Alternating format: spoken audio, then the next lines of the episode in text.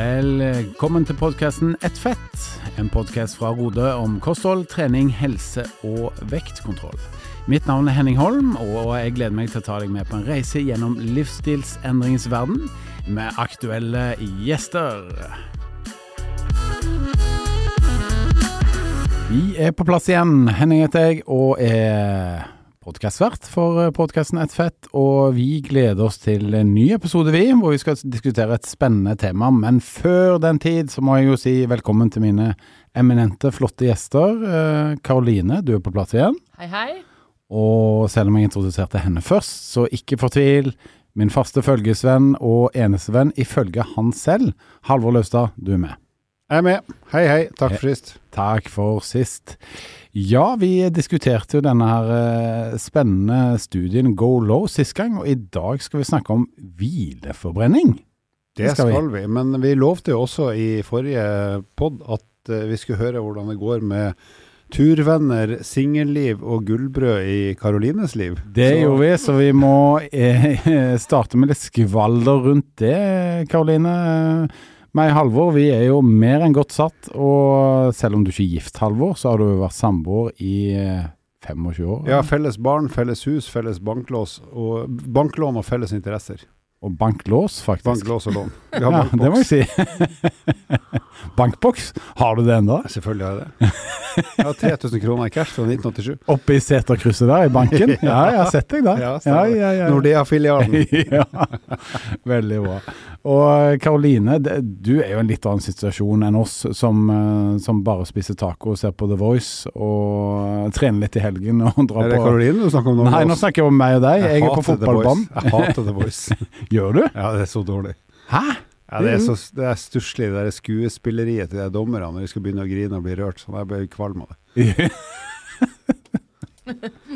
Halvor er nøtteskall. Ja, Det er de få gangene jeg ikke blir fysen på noe godt, det når jeg ser på The Voice, for det er bare ekkelt. Du får ikke søtsug når du Nei. ser på The Voice? Nei, det er tilgjort. Men uh, vi har vel uh, ganske sånn rutinebasert liv, og jeg er glad for det. Men uh, når Karoline kommer på kontoret, hun er jo da ei dame i sin beste alder. Hun er singel, og ja, du, du, må Jeg må jo tenke når jeg ser deg, du har vel litt ulike beilere som er på jakt etter en kaffekopp med deg.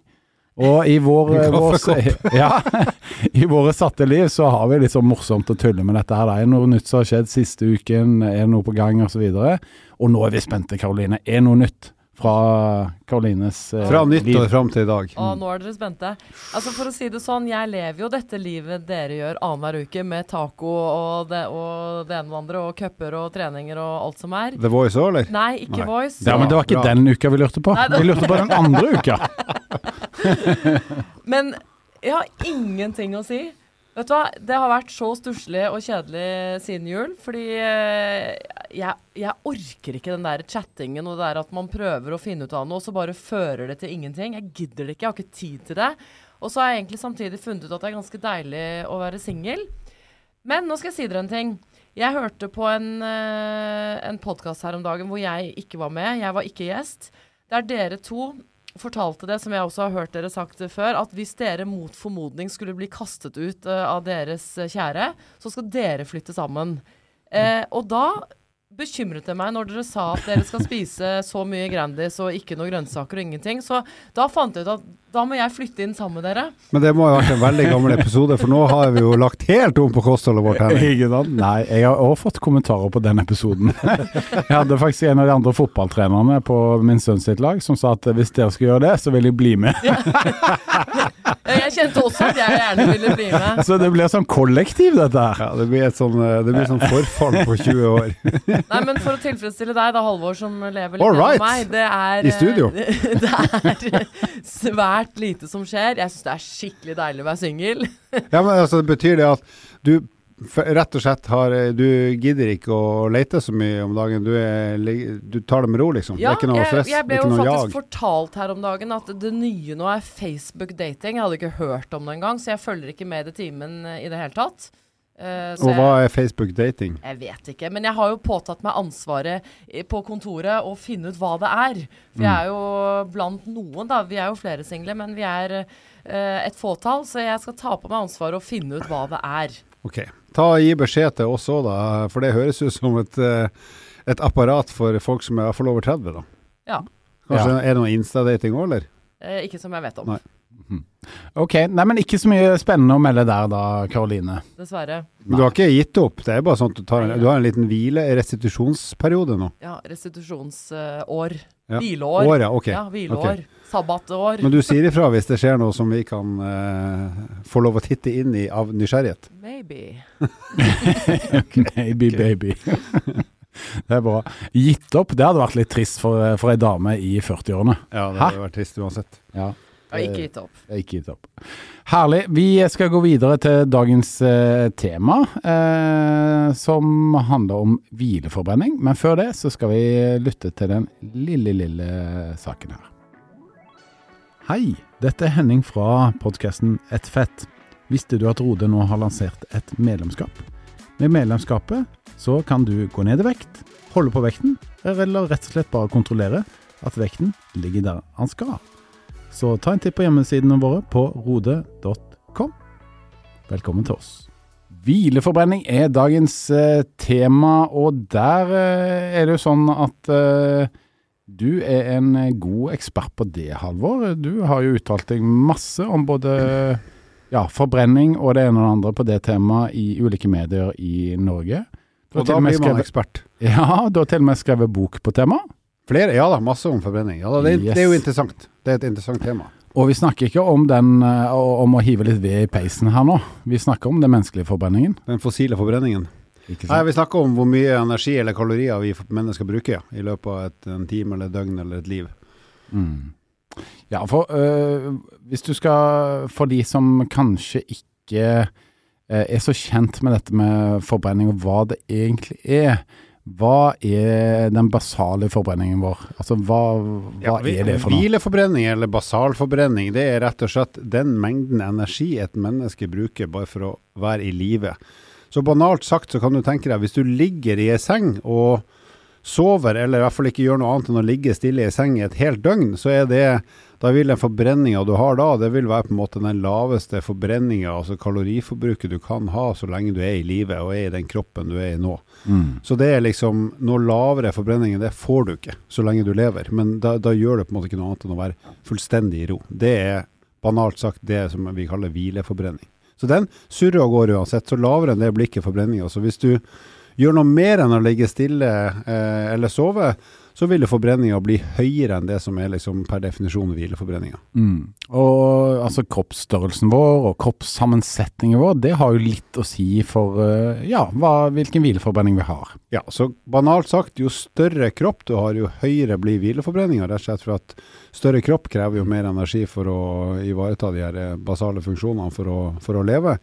Og så kan vi si også, hvis vi skal gjøre det litt mer komplisert, at hvis du har to kropper som i utgangspunktet f.eks. er like store eller veier like mye, så kan vi nok si at den som har gjennomgående mer muskelmasse eller er i bedre form enn en annen som er like tung, så vil nok den som er i bedre form og har mer muskelmasse ha høyere hvileforbrenning enn den andre. Ja. Og Da skal jeg stille et spørsmål som er på veldig generelt grunnlag, så alle dere der hjemme, det gjelder liksom ikke alltid for enkeltindivider, men hvis du skal si f.eks. da en kvinne, eh, normalvektig kvinne, f.eks. da ja, 60-70 kilo, eh, og, og kanskje trene et par ganger i uka, og har et relativt aktivt liv, hvilken hvileforbrenning kan man ligge på da, sånn helt cirka, altså? Ja, du, eh, jeg, skal, jeg skal svare på det med å gi en idé. Altså Hvis at eh, hvis du har kalkulator nå, hvis du sier at du er et normalt menneske som du beskriver nå, så vil du sannsynligvis ha en hvileforbrenning som ligger på 0,8 kalorier per kilo per time. Hvis vi skal si det litt enklere, så kan vi si at du ligger et sted på ja, Hvis du er dame, da, som du skisserer her, på kanskje et sted mellom 15 og 16 kalorier per time per døgn. Mm. Sant? Og hvis du er mann, så er du i gjennomsnitt litt større, og da kan du ligge et sted mellom 20 til 25 kalorier per kilo per døgn. Mm. Så eh, hvis du regner opp de tingene her, da, så kan du si at ei sånn normalvektig dame hun vil ligge på et sted rundt 1400-1500 kalorier per døgn. Mm. Ja, 1300-1400-1500 kalorier per døgn i hvile. Mens en normal mann, eh, pluss minus, vil ligge på et sted mellom 1700-1800-1900 kalorier per døgn. Rett og slett for at han er litt større i gjennomsnitt. Altså litt høyere og litt tyngre. Ja, så hvis du sier meg da, ja, meg da for eksempel, som eh, jeg trener relativt mye. Jeg har både muskelmasse og fettmasse. Eh, veien 93 kilo. Ja, og det er jo et uh, tall som er vanskelig å regne på. Nå skal jeg, nå skal jeg Mm. være litt, prøve å være litt smart. For hvis jeg sier at du er i unormalt god form, så du er i ganske mye bedre form enn gjennomsnittet. Og det er jo et faktum. Så da er ikke din hvileforbrenning 0,8 kalorier per kilo, men den er nok nærmere 1 kalori per kilo kroppsvekt per time.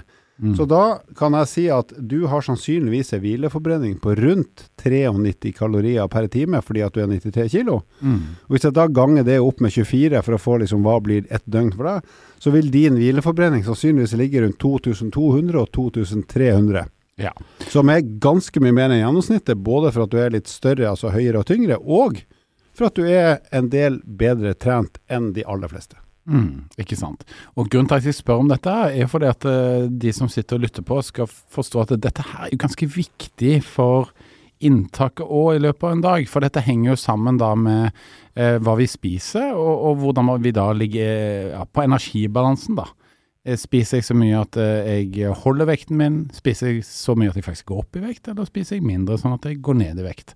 Og hvileforbrenningen er jo et viktig parameter i, i eh, det henseende. Ja, og der, har, der er det mange formler for å regne ut det her. ikke sant? Og det som du sier at Hvis du skjønner sånn så røftlig hva er det jeg forbruker av energi uansett, selv om jeg ikke gjør en puck, så har du Mm. et godt utgangspunkt for å beregne hvor mye mat du trenger, enten for å holde vekt, eller gå ned i vekt, eller eventuelt gå opp i vekt. Og så har vi i Roda har jo ulike verktøy for å også beregne hvileforbrenning, hvis du får veiledning også, eller bruker ned i vektappen. Så det er ganske mange måter å få et ganske godt inntrykk av, eller forståelse av hva du faktisk trenger for å på en måte gå i null basert på hvileforbrenning. Karoline, du har hjulpet folk ned i vekt eh, gjennom å jobbe i Rode i en årrekke. Yes. Hvileforbrenning, er det noe som folk eh, har en forståelse av? Eh, både ja og nei. Det er eh, de spørsmålene jeg kjenner jeg får mest, er f.eks. altså Kan jeg spise meg? Kan jeg, hva, hvilke matvarer kan jeg spise for å øke forbrenningen? Og som går mye knyttet til dette med maten og måltidsmønster osv. Um, og eh, hvis jeg kan få svare på det med en gang, så er det jo sånn at det er jo ingen matvarer som får kroppen til å gå i minus. Eh, vi leser jo kanskje stadig vekk i media om at grønn te øker forbrenningen, ingefær, chili og sånne ting. Spis deg ned i vekt. Spis deg ned i vekt. og det påstås jo at disse matvarene kan øke forbrenningen, men det er jo i beste fall, på, beste fall på et minimalt nivå i forhold til det da fysisk aktivitet, styrketrening osv. kan gjøre.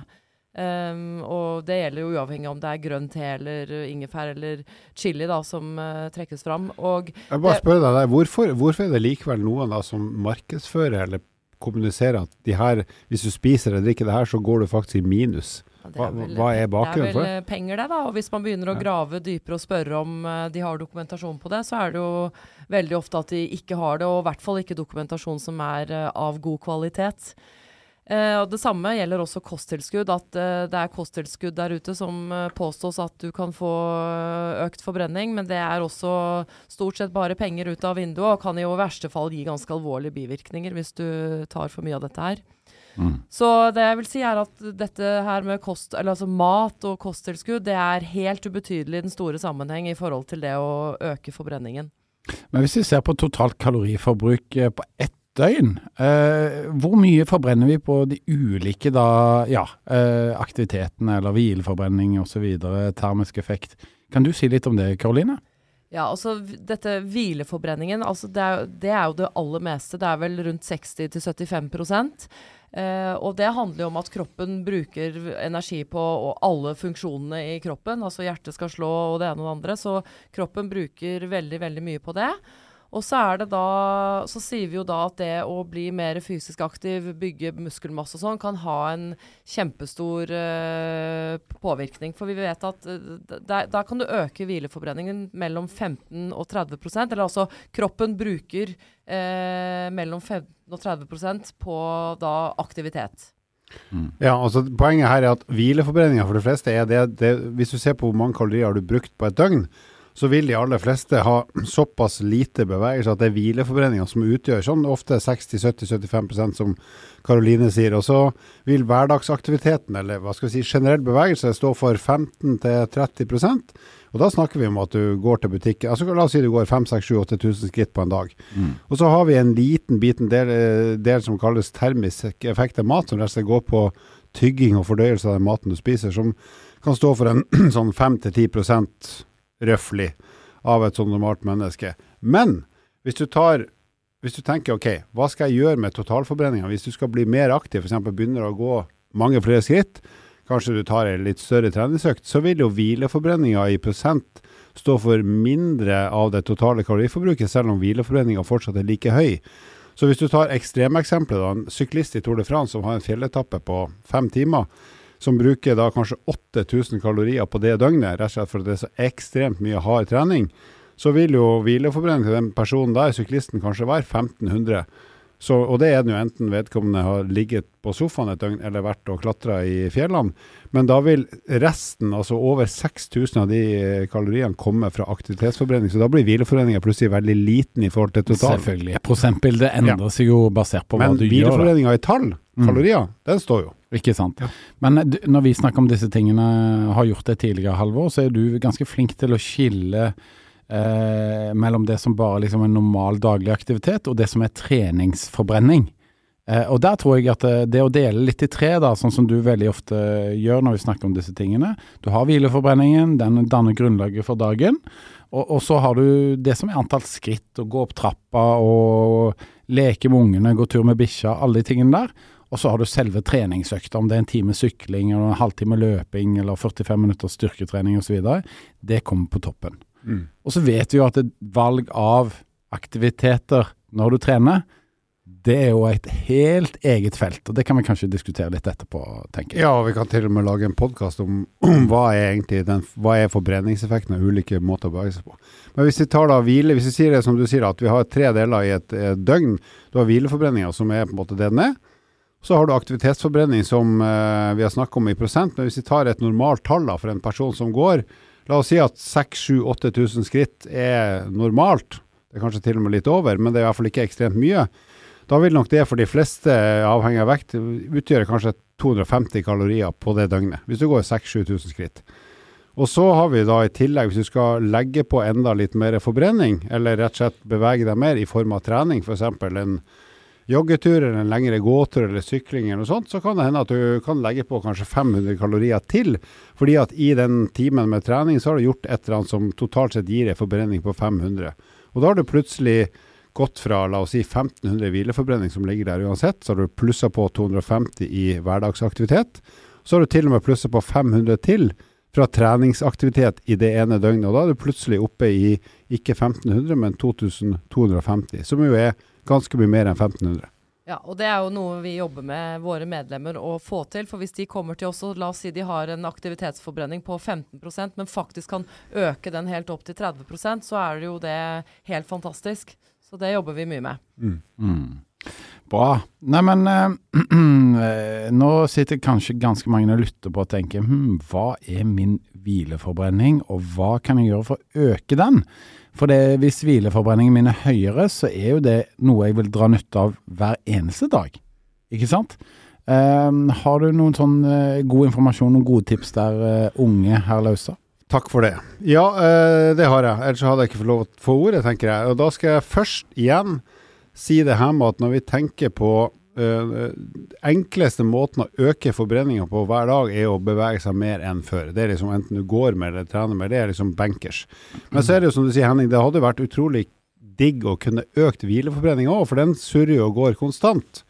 Ja. Og da har jeg, basert på min ikke spesielt vitenskapelige, men delvis vitenskapelige forskning, og litt sånn søk i litteratur, og litt testing av idrettsfolk som er i veldig god form, sett at uh, Sett nok til å tro at det, hvis du klarer å forbedre kondisjonen din betydelig, uh, altså fra å være i veldig dårlig form til å komme i ganske mye bedre form uten du trenger å være noe toppidrettsutøver, så er det grunn til å tro at du også kan løfte nivået på hvileforbrenninga noe. Så folk jeg har testa sjøl, som har vært i dårlig form, og som har fått, fått et betydelig formløft eh, fordi at eh, de har trent smart i seks til åtte til tolv uker, så har vi sett og målt at hvileforbrenninga til de menneskene der har økt med et sted mellom 50 til 150 kalorier i snitt per døgn etter seks til åtte uker med trening der de rett og slett har kommet i mye bedre kondisform. Så veldig lite fokus på styrketrening og muskelvekst i seg sjøl, men rett og slett bedre kondisjon. Så de har blitt i stand til å gå fortere, eller gå mer, eller til og med begynne å jogge eller løpe. Og så vet vi at da har hjertet deres blitt større og sterkere, sånn at de rett og slett kan bevege seg fortere. Og da har det ikke bare fått effekt på at de kan bevege seg mer og forbrenne mer i bevegelse og aktivitet, men også at hvileforbrenninga har skrudd seg litt opp i takt med at formen deres har blitt bedre. Ja, for i miljøet som av, la oss kalle det treningseksperter, personlige trenere, andre som, som har uh, god peiling, da, så har det vært en sånn etablert sannhet at uh, dersom du løker hvileforbrenningen din, så må du trene tung styrketrening og legge på meg muskelmasse.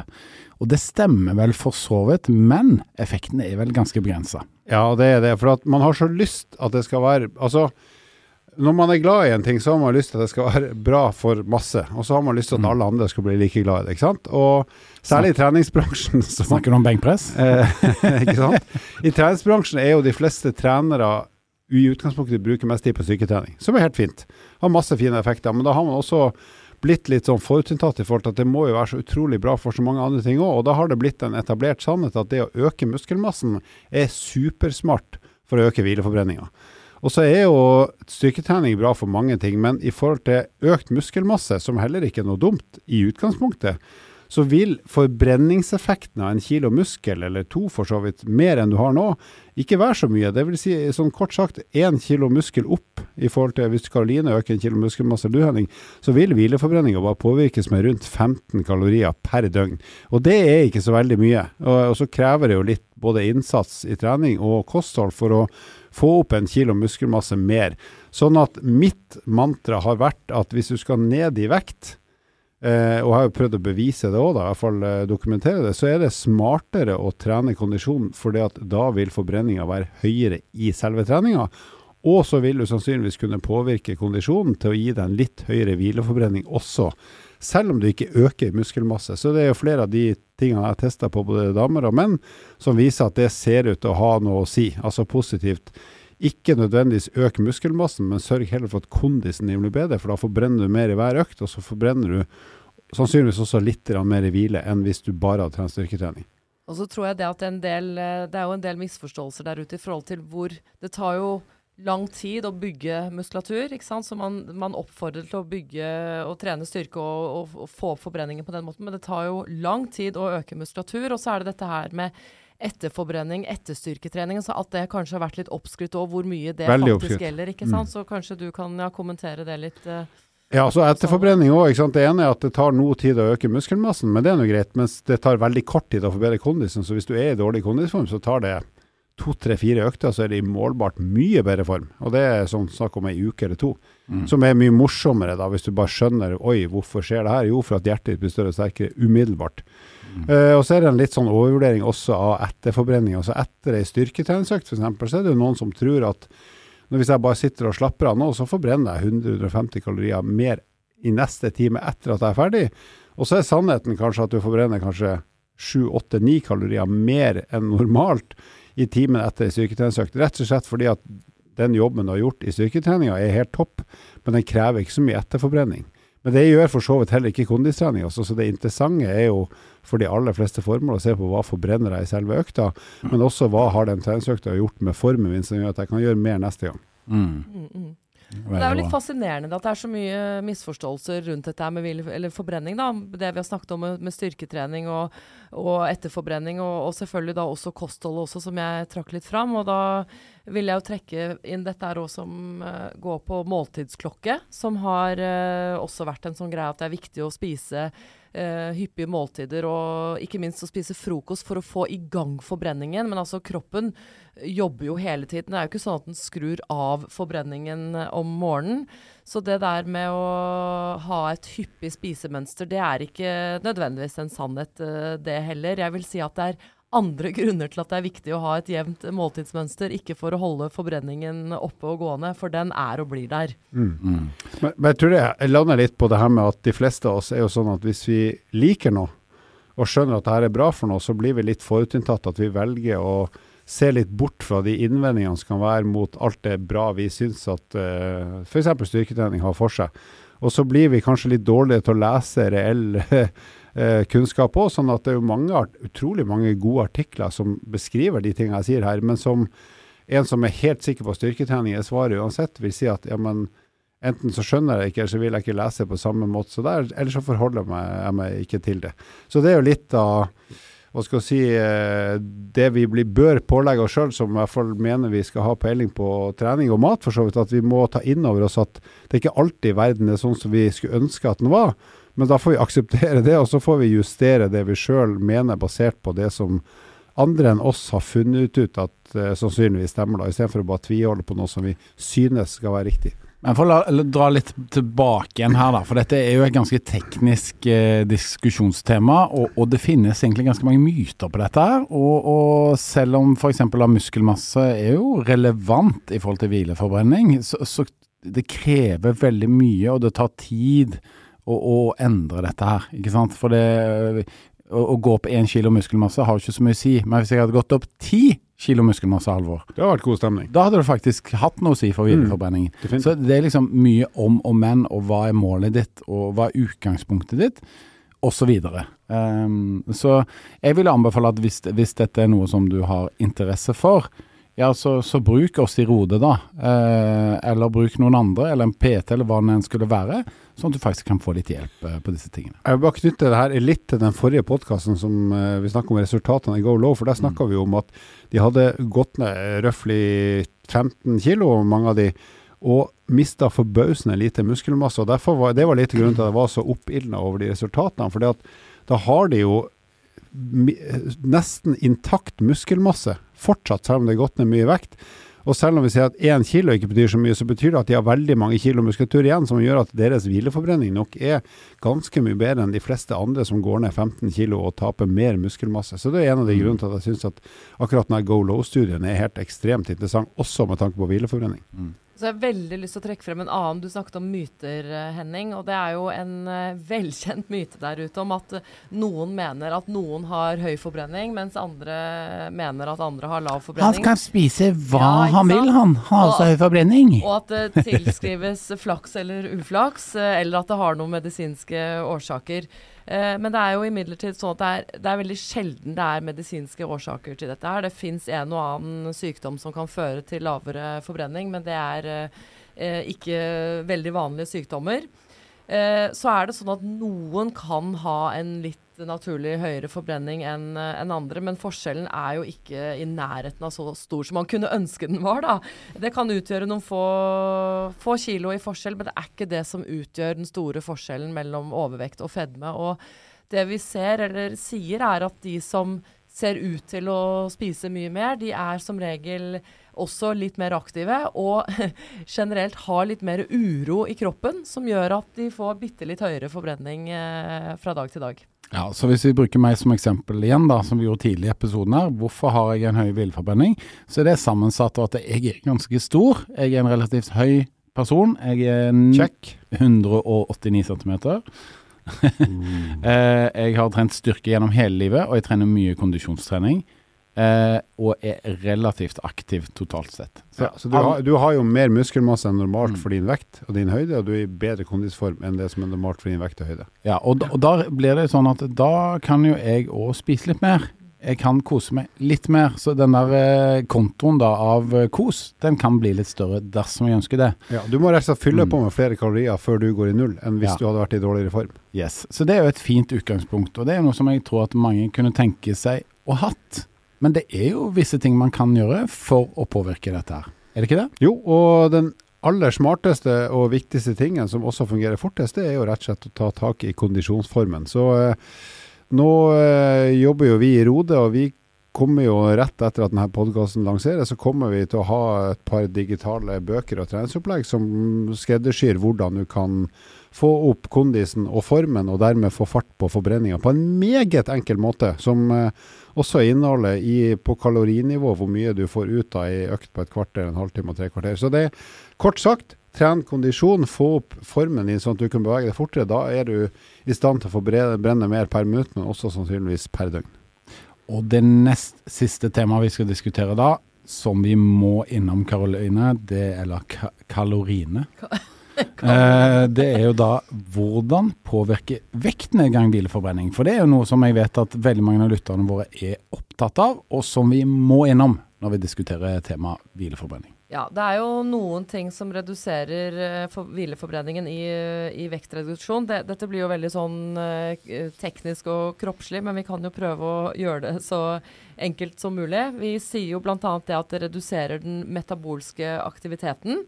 Altså varmeproduksjonen som man har i lever og hjerte og, og andre, andre, organer.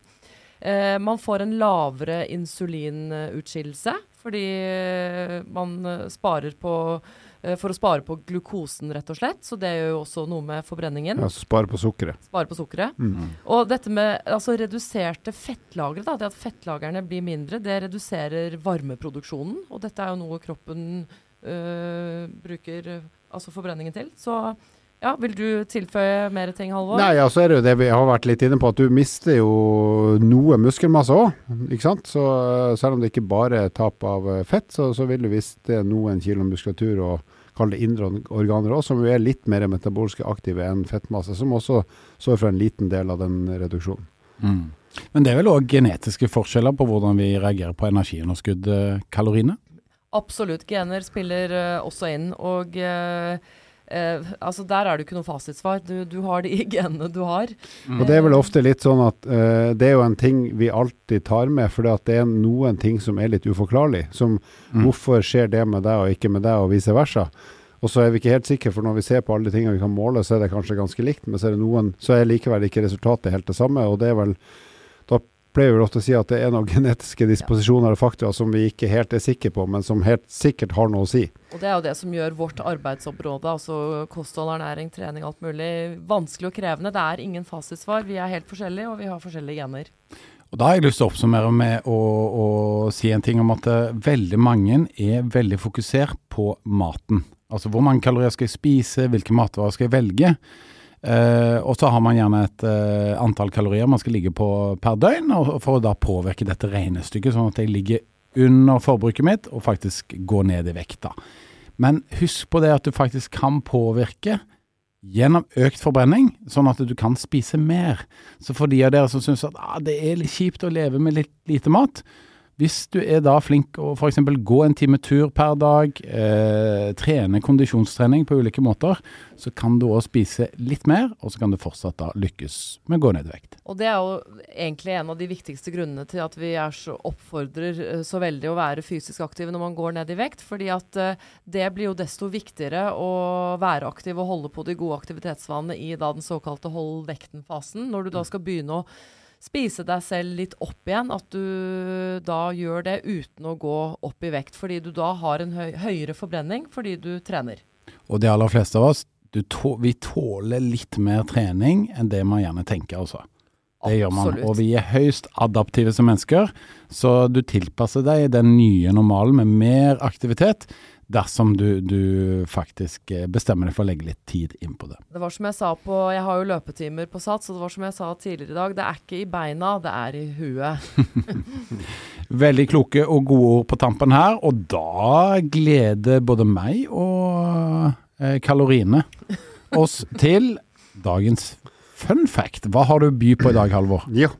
Eh, jeg skal begynne med spørsmål. Hva er personlige rekorder dere har i pushups? Hvis dere skal ta så mange dere kan uten Oi. pause. Mm, 74. Oi, det er bra. Hva har du, ja, Karoline? Cirka. 30, kanskje? Ja, det er pent. Jeg har uh, tatt 54 en gang. For det, at det jeg skal inn på nå, det er verdensrekorden i pushups på et døgn. Uh, jeg antar at vedkommende som satte den rekorden, han heter forresten Charles Servizio og er 42 år gammel. Han, han må jo ha hatt noen pauser, for du klarer ikke 24 timer i strekk. Men eh, jeg satt og regna før jeg sier hvor mye det er, så satt jeg og regna på hva jeg tror jeg hadde klart på et døgn. Og jeg tror, nå er nok optimismen, at jeg skulle ha klart fem pushups per minutt i et døgn. Tror jeg. Jeg tror kanskje ikke det, men la oss si at jeg hadde klart det. Og da hadde jeg klart 300 per time, og det hadde blitt 7200 på et døgn. Oi. Som er ganske mye. Men jeg helt ærlig, jeg hadde nok ikke klart det. Men jeg, jeg, i mitt hode så tror jeg jeg hadde klart det. Han karen her, han klarte 46.001 på et døgn. Jeg skulle likt å sett den siste da. Ja, ikke sant? Det må jo ha vært sånn til forrige rekord. var 46. Jeg bare tenker på det helt Det er altså så mye av det. For jeg, når jeg bare satt og tenkte på fem pushups i minuttet Jeg ser, ser for meg at jeg hadde nok klart en time, men jeg tror jeg hadde blitt ganske støl etter en time, og så hadde det vært 23 timer igjen. Og da hadde det vært ikke, da hadde jeg vært altså seks ganger unna det han har som rekord. Men Halvor, du pleier å teste ut de temaene vi har på podkast. Du har testet ut 5-2, du har testet ut 16-8. Nå får vi ta en podkast om pushups, og så får vi utfordre deg til dette her, da. Det jeg kan gjøre, er at når jeg skal på sommerferie, så kan jeg stoppe hver time og ta fem pushups. på vei ned. Det var et dårlig forslag. Syns jeg ser deg. Jeg, vet du hva? Vet du, jeg, jeg, det jeg kan gjøre, seriøst. Jeg skal opp i hockeyhallen i morgen, uh, morgen tidlig. Da kan jeg prøve å ta fem pushups hvert minutt, så lenge jeg klarer. Og Ja. jeg må innrømme at jeg, jeg sier jo nå at jeg tror jeg hadde klart det et døgn, men det kan hende jeg ikke klarer en time engang. Skal vi se om det går. Ja, det Det er blir spennende å høre. Veldig bra. Eh, For å klare ganske mange pushup, hvis du bestemmer deg for at du har lyst til å øke persen din, så vil jeg anbefale at du tar eh, jeg, Det jeg gjorde når jeg klarte 74, det var at jeg begynte når sommerferien starta, og så tok jeg 30 pushup. Og neste dag så tok jeg 31. Og så neste dag så jeg 32. Så jeg Så, økte vent, med da tror jeg neste dag etter det tok du 34. Helt nesten riktig. Så, så øker jeg da med én hver dag, og til slutt så var det 74. Da, da gadd jeg ikke mer. Men, eh, men jeg gjorde jo da det gjennom hele sommeren. Det var et ganske morsomt prosjekt. Så vil jeg bare si det. Jeg har en gang hatt, eh, stått i plankekonkurranse med en venninne, og det er jo sjukt mye i huet også. Du klarer å stå så mye lenger. Det er statisk-greiene, det får du holde for deg selv. Ja, det er jeg. Jeg byr det er ikke opp til dans her det er ikke noe gøy, det. Det Altså. du kan gjøre, det er at du starter på én pullup, og neste dag tar du to. Takk for den. Veldig bra. Men uh, vi eh, skal jo snart uh, få en update på det òg. hun godeste Karoline hun skal snart eh, gjennomføre én pullups. I hvert fall et, et testforsøk på det. Så det kommer jeg til å komme tilbake til veldig veldig snart i en av de kommende episodene. Nå demper du stemmen litt, så det hørtes ut som du skulle introdusere noe litt erotisk, eller? Skal ikke det, skal avslutte. så med det, dette ble de siste ordene for dagen. Tusen takk nok en gang for en eh, spennende og fin episode sammen. Bare folkens. hyggelig. Både Halvor og Karoline. Og undertegnede som ønsker deg en fin uke, og så ses igjen, eller høres igjen, neste uke. Ha det. Takk for at du lytta på nok en episode med podkasten Ett fett. Dersom du er interessert i å lese mer om eh, livsstilsendring, gå inn på Rode-magasinet på rode.com. Vil du stille oss spørsmål som vi kan diskutere i en episode, ikke vær redd for å sende inn på Facebook eller Instagram hos eh, Rode. Til neste gang, vi høres.